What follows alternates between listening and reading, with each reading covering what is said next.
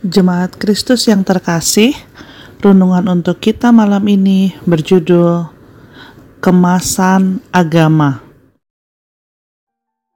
Dan bacaan kita diambil dari kitab Kisah Para Rasul 19 ayat 21 sampai 27. Beginilah firman Tuhan. Kemudian, daripada semuanya itu, Paulus bermaksud pergi ke Yerusalem melalui Makedonia dan Akhaya.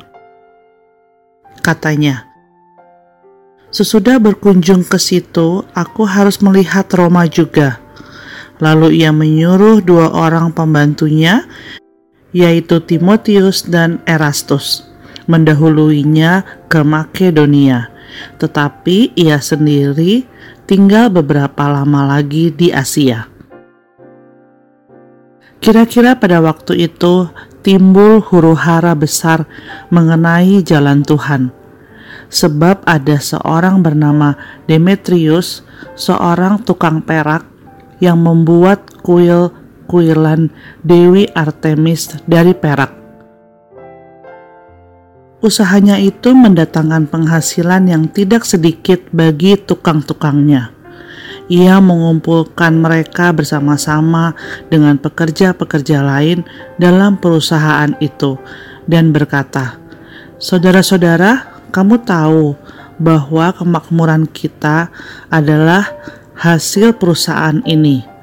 Sekarang kamu sendiri melihat dan mendengar bagaimana Paulus bukan saja di Efesus, tetapi juga hampir di seluruh Asia telah membujuk dan menyesatkan banyak orang dengan mengatakan bahwa apa yang dibuat oleh tangan manusia bukanlah dewa. Dengan jalan demikian, bukan saja perusahaan kita berada dalam bahaya untuk dihina orang, tetapi juga kuil Artemis, dewi besar itu, berada dalam bahaya akan kehilangan artinya. Dan Artemis sendiri, Artemis yang disembah oleh seluruh Asia dan seluruh dunia yang beradab akan kehilangan kebesarannya. Segala sesuatu yang berbau hal-hal rohani menjadi sesuatu yang mahal dan memberikan banyak keuntungan, dan kita mengetahui bahwa ini dimanfaatkan oleh beberapa orang hanya untuk mendapatkan keuntungan lebih bagi dirinya sendiri.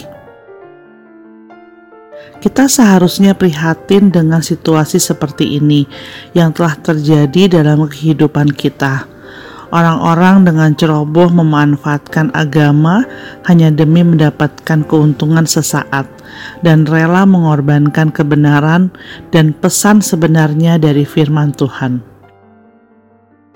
Akibatnya, banyak orang yang mulai anti dan malas berurusan dengan hal-hal agamawi karena curiga bahwa itu semua hanya demi sebuah keuntungan belaka. Tidak ada maksud menyampaikan kebenaran Allah di dalamnya.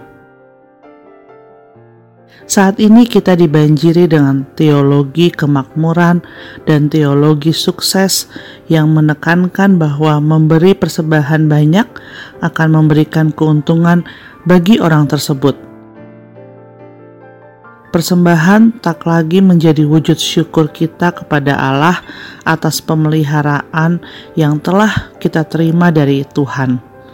Bila kita tidak bijak merespon ini, maka kita akan jatuh pada pemahaman bahwa konsep memberi persembahan adalah cara mujarab agar kita cepat kaya. Apa yang terjadi dalam perikop bacaan kita menunjukkan bahwa hal semacam ini sudah berlangsung lama. Sekarang, pilihan ada di kita. Apakah kita bersedia dengan jujur memisahkan kepentingan bisnis dengan agama? Itu semua bergantung pada kita. Apakah kita bertanggung jawab dengan hidup yang sudah kita terima dalam Kristus? Demikianlah renungan malam ini. Semoga damai sejahtera dari Tuhan Yesus Kristus tetap memenuhi hati dan pikiran kita. Amin. Jemaat yang terkasih, mari kita bersatu hati menaikkan pokok-pokok doa yang ada dalam gerakan doa 21 GKI Sarwa Indah. Mari berdoa.